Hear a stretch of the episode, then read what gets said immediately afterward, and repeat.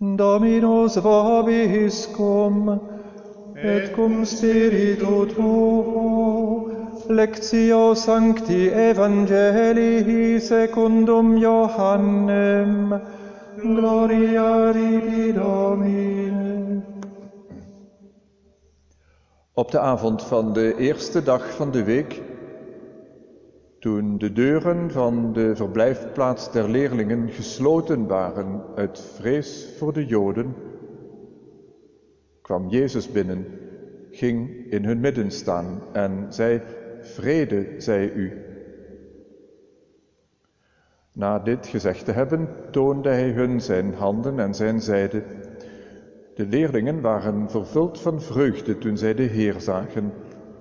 Nogmaals zei Jezus tot hen: Vrede zij u. Zoals de Vader mij gezonden heeft, zo zend ik u. Na deze woorden blies hij over hen en zei: Ontvangt de Heilige Geest. Als gij iemand zonden vergeeft, dan zijn ze vergeven. En als gij ze niet vergeeft, zijn ze niet vergeven. Thomas, een van de twaalf, ook Didymus genaamd, was echter niet bij hen toen Jezus kwam. De andere leerlingen vertelden hem: Wij hebben de Heer gezien. Maar hij antwoordde: Zolang ik in zijn handen niet het teken van de nagelen zie, en mijn vinger in de plaats van de nagelen kan steken, en mijn hand in zijn zijde leggen, zal ik zeker niet geloven. Acht dagen later waren zijn leerlingen weer in het huis bijeen en nu was Thomas erbij. Hoewel de deuren gesloten waren, kwam Jezus binnen, ging in hun midden staan en zei: Vrede zij u. Vervolgens zei hij tot Thomas: Kom hier met uw vinger en bezie mijn handen. Steek uw hand uit en leg die in mijn zijde en wees niet langer ongelovig, maar gelovig. Toen riep Thomas uit: Mijn Heer en mijn God. Toen zei Jezus tot hem: Omdat ge mij gezien hebt, gelooft ge? Zalig die niet gezien en toch geloofd hebben. In het bijzijn van zijn leerlingen heeft Jezus nog vele andere tekenen gedaan, welke niet in dit boek zijn opgetekend. Maar deze hier zijn opgetekend opdat gij mocht geloven dat Jezus de Christus is, de Zoon van God, en opdat gij door te geloven leven moogt in zijn naam. Verbum Domini, laus tibi Christe.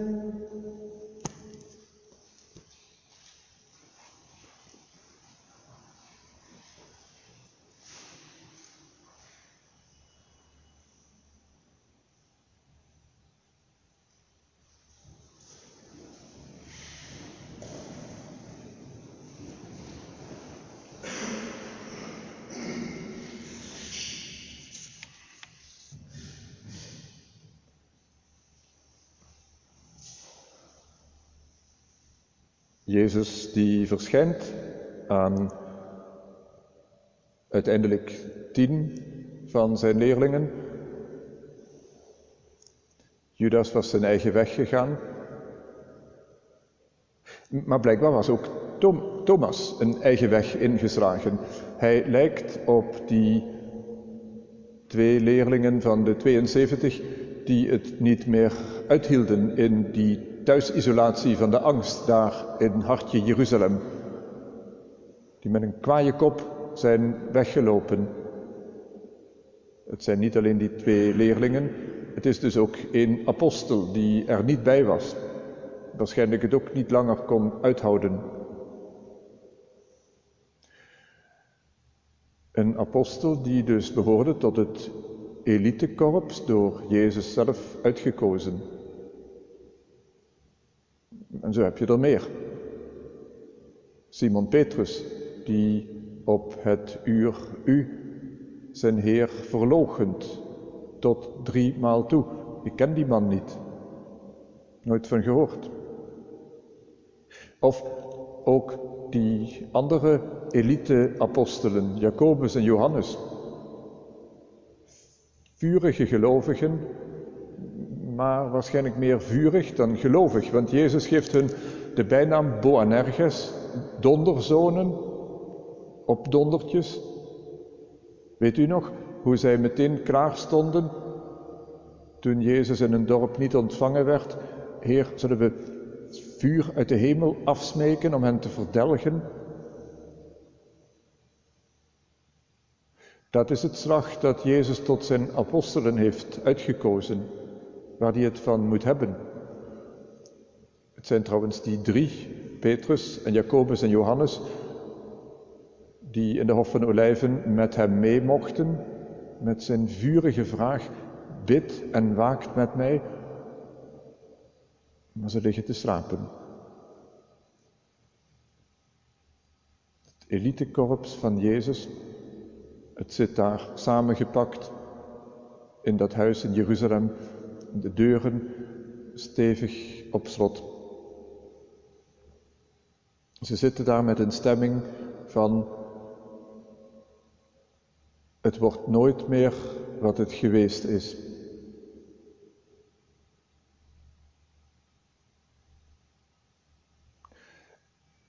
Die stemming maken wij nu over heel de wereld mee. Nu we steeds meer beseffen dat de maatregelen die getroffen zijn niet iets zijn van een paar weken, even een tijdje binnenblijven en ondertussen alvast je nieuwe vakantie plannen. Nee, het wordt nooit meer wat het geweest is. Ik ga even mijn spiekbriefje erbij halen.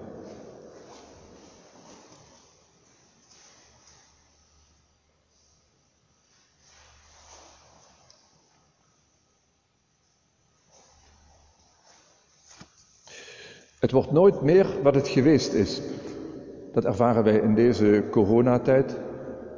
Dat ervaren diegenen onder ons nog veel intensiever die een dierbare hebben moeten uit handen geven. Wat een prachtmens. Als die in ons midden was, wat kon pap of mam vrede brengen, goed doen, bemoedigend aanwezig zijn. Het wordt nooit meer zoals het geweest is.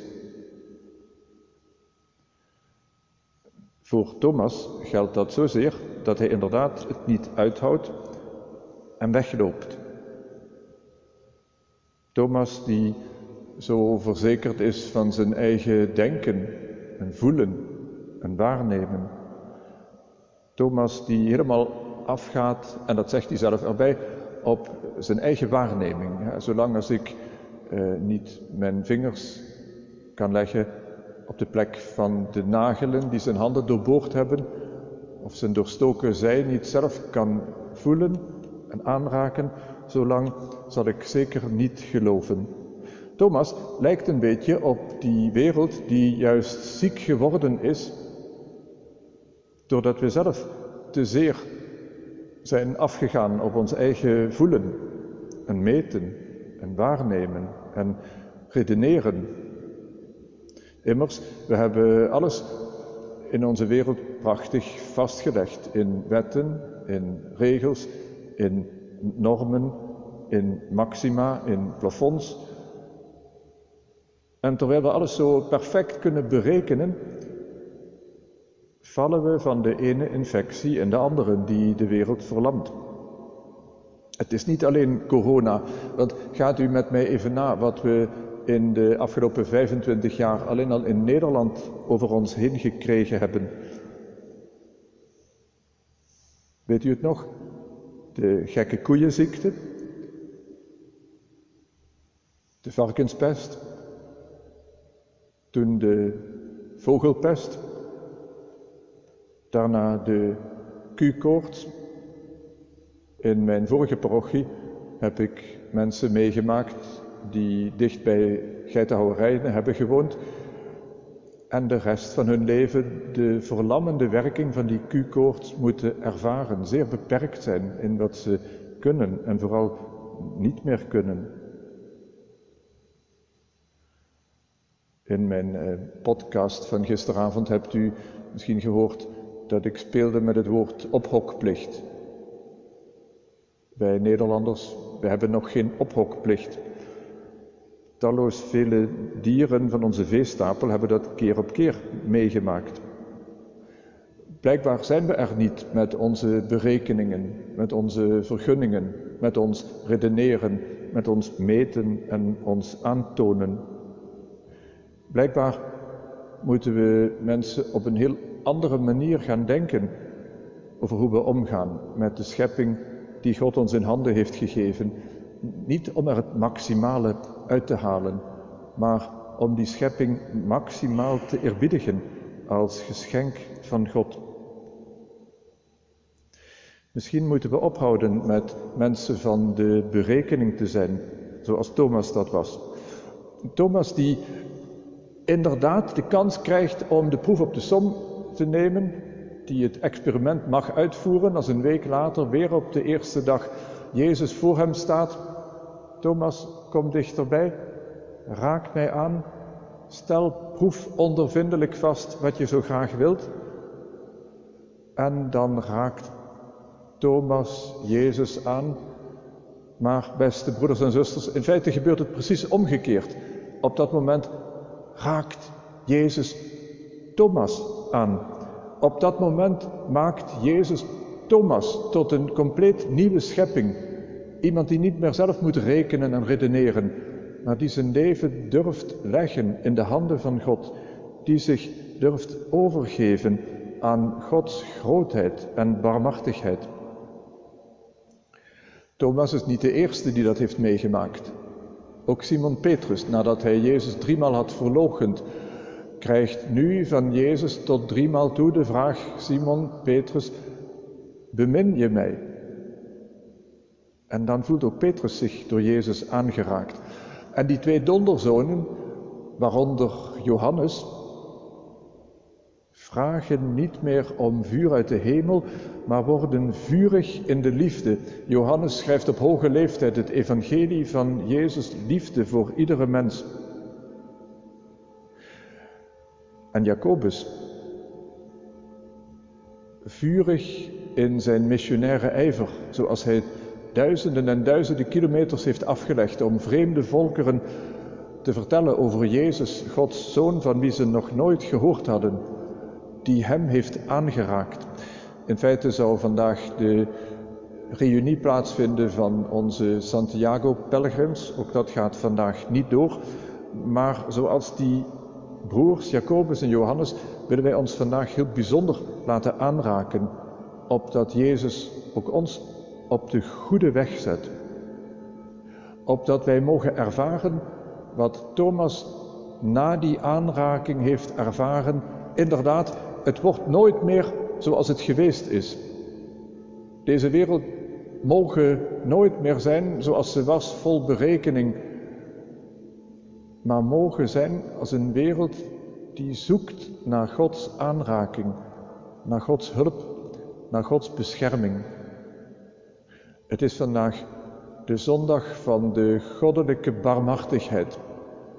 En daarbij denken we vanzelf natuurlijk ook aan die barmhartige vader die ondanks alles de deur wijd open houdt voor zijn verloren zoon.